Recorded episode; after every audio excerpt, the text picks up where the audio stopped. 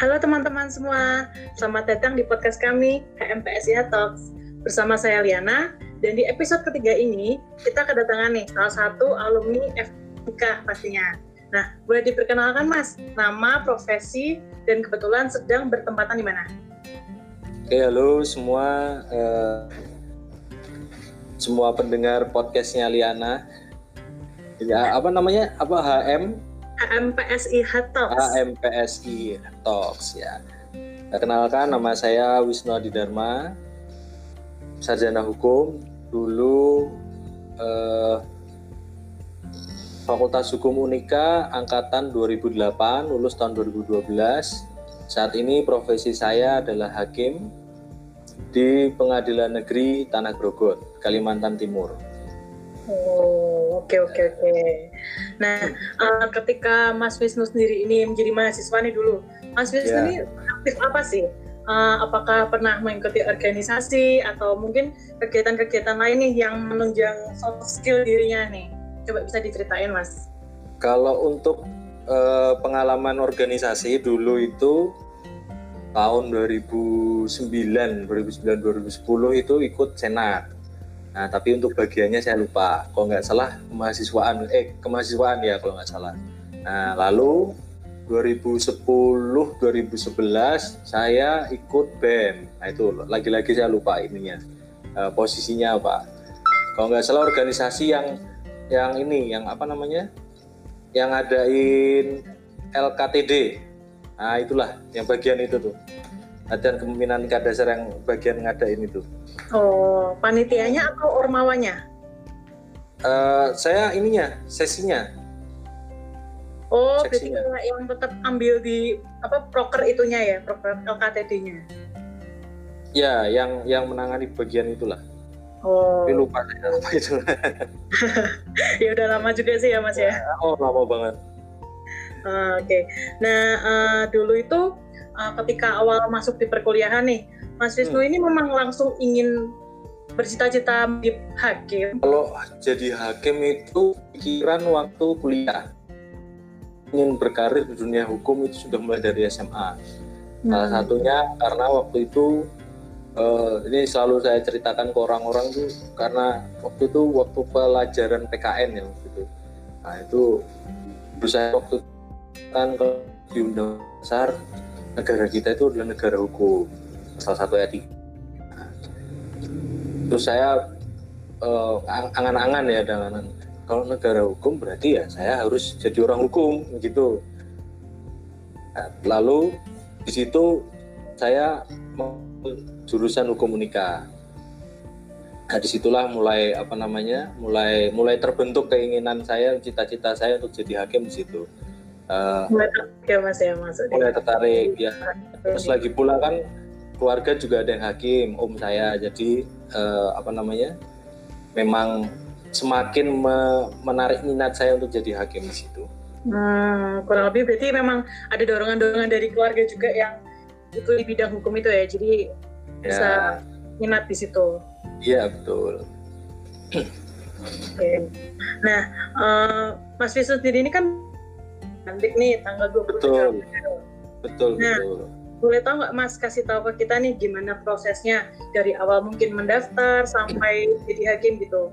Dan hmm. dulunya juga mungkin uh, ada nggak kesempatan magang? Uh, kalau boleh tahu, uh, di, kalau misalnya ada, di mana gitu? Boleh diceritain Mas?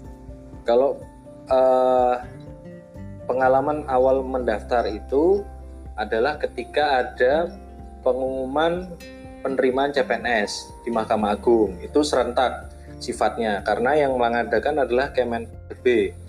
Waktu itu Kemenpan RB membuka eh, apa namanya pendaftaran dan salah satunya adalah Mahkamah Agung yang sebagai instansi yang menyediakan hmm, pembukaan pendaftaran calon hakim. Nah, itu sekitar tahun 2017 bulan pendaftaran itu sekitar bulan Juli kalau tidak salah. Hmm. Dan daftar ada ada dua tahapan seleksi. Pertama, tahapan seleksi yang pertama adalah tes kemampuan dasar. Di situ kita uh, diuji kemampuan dasarnya seperti tes pengetahuan umum, lalu uh, TIU, tes intelijensi umum, sama TWK, tes wawasan kebangsaan. Nah, di situ sistemnya adalah passing grade. Tapi ke, karena saya waktu itu mengambilnya yang istilahnya itu uh, golongan, eh bukan golongan ya, uh, kualifikasinya cum laude jadi passing grade-nya hmm. tidak tidak di ini tidak di tidak dilihat yang dilihat adalah rankingnya perolehan rankingnya oh, nah, ranking uh, berarti nah, masuk di ranking lalu uh, setelah lulus dari tes kemampuan dasar lalu menuju ke tes kemampuan bidang. Di situ ada tiga kriteria. Tes wawancara lalu tes kemampuan bidang, tentunya bidang hukum, lalu juga ada wawancara, oh sama apa namanya psikologi gitu loh, tes ya tentang psikolog psikolog gitulah, hmm. nah, kayak gitu. Nah, lalu setelah itu pengumuman bulan November, bulan November puji syukur puji Tuhan lulus, nah, situlah uh, sudah ada namanya, sudah terdaftar di situ. Lalu mulai resmi untuk mengikuti pendidikan CPNS. Dulu kan sebelum uh, kita harus melalui jenjang CPNS dulu. CPNS itu bulan Februari tahun 2018. Itu uh, saya mengikuti pendidikan pelatihan dasar CPNS yang penempatannya ada di uh, Badiklat Agama Bandung. Nah, itu uh, mengikuti latsar CPNS, lalu sempat uh, setelah dinyatakan lulus dari latsar CPNS, saya sempat apa namanya magang, magang di PN Semarang sebagai calon hakim dan di situ juga diangkat sebagai PNS-nya di PN Semarang. Lalu tahun e, mengikuti pendidikan calon hakim sekitar satu setengah tahun. Nah ini baru 27, 27 April 2020 ini saya resmi dilantik jadi hakim. Oh panjang juga udah dia prosesnya ya mas ya? Ya, ya cukup panjang sih. Kalau di dari awal daftar sampai dilantik ini berarti total berapa? Kalau dari daftar sampai dilantik ini ya kalau hampir tiga tahun ya berarti ya.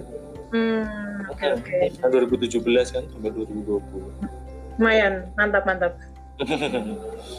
nah, uh, uh, untuk profesi hakim sendiri nih Mas, oh, uh, apakah ada jenis penjurusan seperti pidana atau perdata gitu, hakim pidana atau hakim pidana, perdata gitu? Kalau hmm. uh, kasih tahu kita Mas. Kalau untuk penjurusan hakim pidana perdata itu masuk di lingkungan peradilan umum. Jadi bukan bukan di situ ya penjurusannya, tapi ketika pertama kali kita mendaftar uh, sebagai calon hakim, di situ diberikan pilihan apakah kita akan menjadi hakim peradilan umum, hakim peradilan agama, atau hakim peradilan tata usaha negara. Jadi dari awal sudah harus milih. Jadi ketika sudah menjalani uh, prosesi calon hakim, sudah tidak bisa pindah matra istilahnya. Jadi pilihan itu ditentukan di awal ya. Iya betul. Jadi ketika kayak saya sekarang hakim peradilan umum ya harus menguasai tentang uh, hukum pidana, hukum perdata dan nanti uh, sertifikat uh, sertifikasi tes sertifikasi lainnya yang menunjang untuk uh, karir di dunia hakim ini. Nah, jadi gitu. walaupun pidana atau perdata dua-duanya tetap harus dikuasai ya. Iya, hakim. Uh, betul, karena sudah ada uh, perbedaan lingkungan peradilan ya, lingkungan peradilan umum, agama, tata usaha negara dan satu lagi militer. Militer itu yang bisa menjabat adalah kalangan militer. Hmm, oke okay, oke. Okay. Nah, uh, kalau uh, sudah menjadi hakim nih, apa sih uh, tantangan yang sering dihadapi gitu? apalagi kan sekarang juga lagi masa pandemi nih mas COVID-19 hmm. pasti kan banyak banget yang dihadapi dan pertama mungkin kayak pengalaman uh, sidang online atau pengalaman pengalaman yang lain bisa diceritain mas kita Nah, kalau pengalamannya ya jujur aja karena saya kan baru dilantik ya, jadi kan hmm. Pengalaman itu masih sedikit kalau untuk menjalani profesi hakim. Tapi ketika dilantik ini eh, langsung dihadapkan pada tantangan adanya masa eh, masa pandemi COVID-19 ini. Jadi kita pun harus dituntut eh, badan peradilan harus dituntut untuk melakukan inovasi-inovasi. Nah, salah satunya kita melakukan ada perjanjian kerjasama antara Mahkamah Agung, Kejaksaan dan Kementerian Hukum dan Asasi Manusia.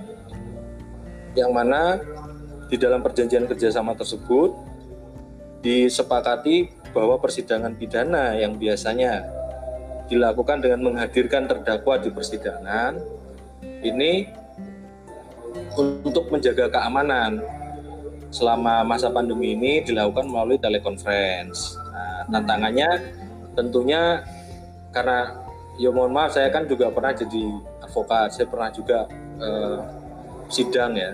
Jadi uh, biasanya yang kita bisa uh, mendampingi terdakwa kita bisa komplit di situ susunannya ada hakim ada advokat ada terdakwa ada penuntut umum. Di situ kita apa namanya tidak bisa langsung berinteraksi dengan terdakwa. Nah, ini yang sampai saat ini belum saya rasakan interaksi antara hakim dengan terdakwa.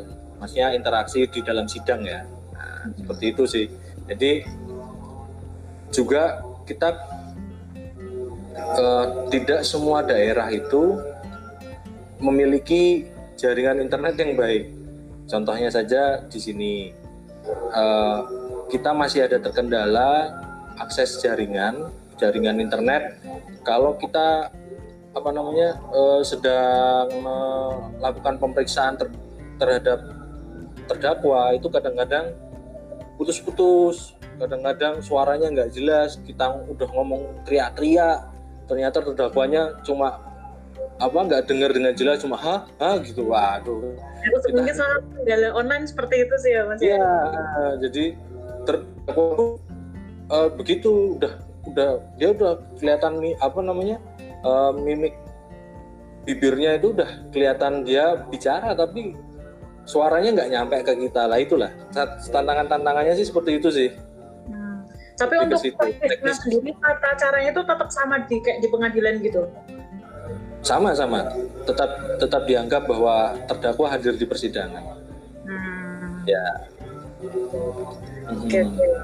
Nah, uh, untuk menutup podcast kita nih, Mas. Oke. Okay. Bisa bagi tips dan sarannya nih untuk uh, mungkin teman-teman mahasiswa yang berminat di apa hakim gitu. Yeah. Dan uh, minat di ini gitu. Nah, bisa kita nih Mas tips dan sarannya. Oke. Okay. Uh, saya jujur aja saya sama uh, teman-teman hukum menikah ini saya sangat mendorong ya sangat mendorong semoga teman-teman semakin banyak dari alumni Unika Fakultas Hukum Unika yang bisa menjalankan profesi hakim, profesi penegak hukum lainnya lah. Terutama sih hakim karena kalau bagi saya sendiri, bagi saya pribadi ya, hakim itu adalah profesi yang sangat mulia kita bisa berkontribusi banyak bagi negara bangsa Indonesia ini melalui profesi ini. Nah, kalau tips dan trik eh, tips-tipsnya untuk untuk berkeinginan menjadi hakim ini, kalau saya sih tetapkan dulu dari awal. Anda Anda sekalian mau jadi apa gitu loh. Jangan nanti uh, waktu lulus baru kelimpungan mau mau menjalankan pekerjaan apa. Nah, itu yang kebanyakan mungkin orang menjadikan profesi profesi penegak hukum itu sebagai cadangan ketika eh, cita-citanya yang utama itu tidak terwujud. Nah, itu yang menurut saya keliru. Harusnya profesi, ketika Anda menjalankan apa namanya? berani mengambil kuliah di mata kuliah hukum, jadi Anda juga harus berani mengambil profesi penegak hukum gitu. Kalau saya sih gitu. Hmm. jadi tetapkan dulu keinginan kita ini cita-cita ini kita ini apa. Lalu tentunya diimbangi dengan belajar. Saya bukannya terus saya ini apa namanya uh, udah orang yang pinter gitu enggak. Saya tetap kita tetap harus belajar terus. Profesi apalagi menyandang profesi hakim ini adalah profesi yang menuntut untuk belajar seumur hidup. Itu nah, jadi belajar itu nggak boleh ada putusnya. Terutama ketika ini kan kalau mau jadi profesi hakim ya tentunya kan tadi saya bilang ada prosesi-prosesi yang harus diikuti. Tes-tes segala macam lah. Itu tes-tes kemampuan dasar ini yang harus di apa namanya harus dipelajari betul-betul sih. Kebanyakan juga karena kan waktu itu ada sekitar 30 ribu pendaftar waktu itu. Tapi yang diterima 1.500 bayangkan aja kita harus mengeliminasi orang sekian banyak jadi ya apa namanya kita harus tetap latihan latihan latihan untuk uh, tes tes CPNS itu loh. Kan banyak bukunya itu. Nah itu, itu aja di di di apa di di telateni lah. Kira-kira sih gitu. Jadi menetapkan tujuan dari awal ya, kan mahasiswa juga yang dari tengah-tengah juga tengah-tengah juga masih bingung mau ngapain besok gitu kan betul lah itulah yang yang saya tadi bilang kita harus tutup tujuh apa namanya tentukan tujuan dari awal. Kalau udah berani masuk uh, ngambil jurusan hukum ya harus berani juga ngambil profesi profesi di hukum tentunya profesi penegak hukum. Pak menurut saya sih gitu. Kita harus berani bertanggung jawab terhadap pilihan. gitu. Bermanfaat sekali ya infonya dari Mas Wisnu ke kita nih. Sama-sama. Mas Wisnu sudah okay. bergabung dengan podcast kita HMSI Talks Ya, terima kasih juga. Semoga sukses terus Mas di pekerjaannya. Amin, amin, amin. Ya, dan semoga info yang diberikan oleh Mas Wisnu ini dapat menjadi pemahaman dan ilmu bagi kita semua. Terima kasih Mas Wisnu. Terima kasih Deliana.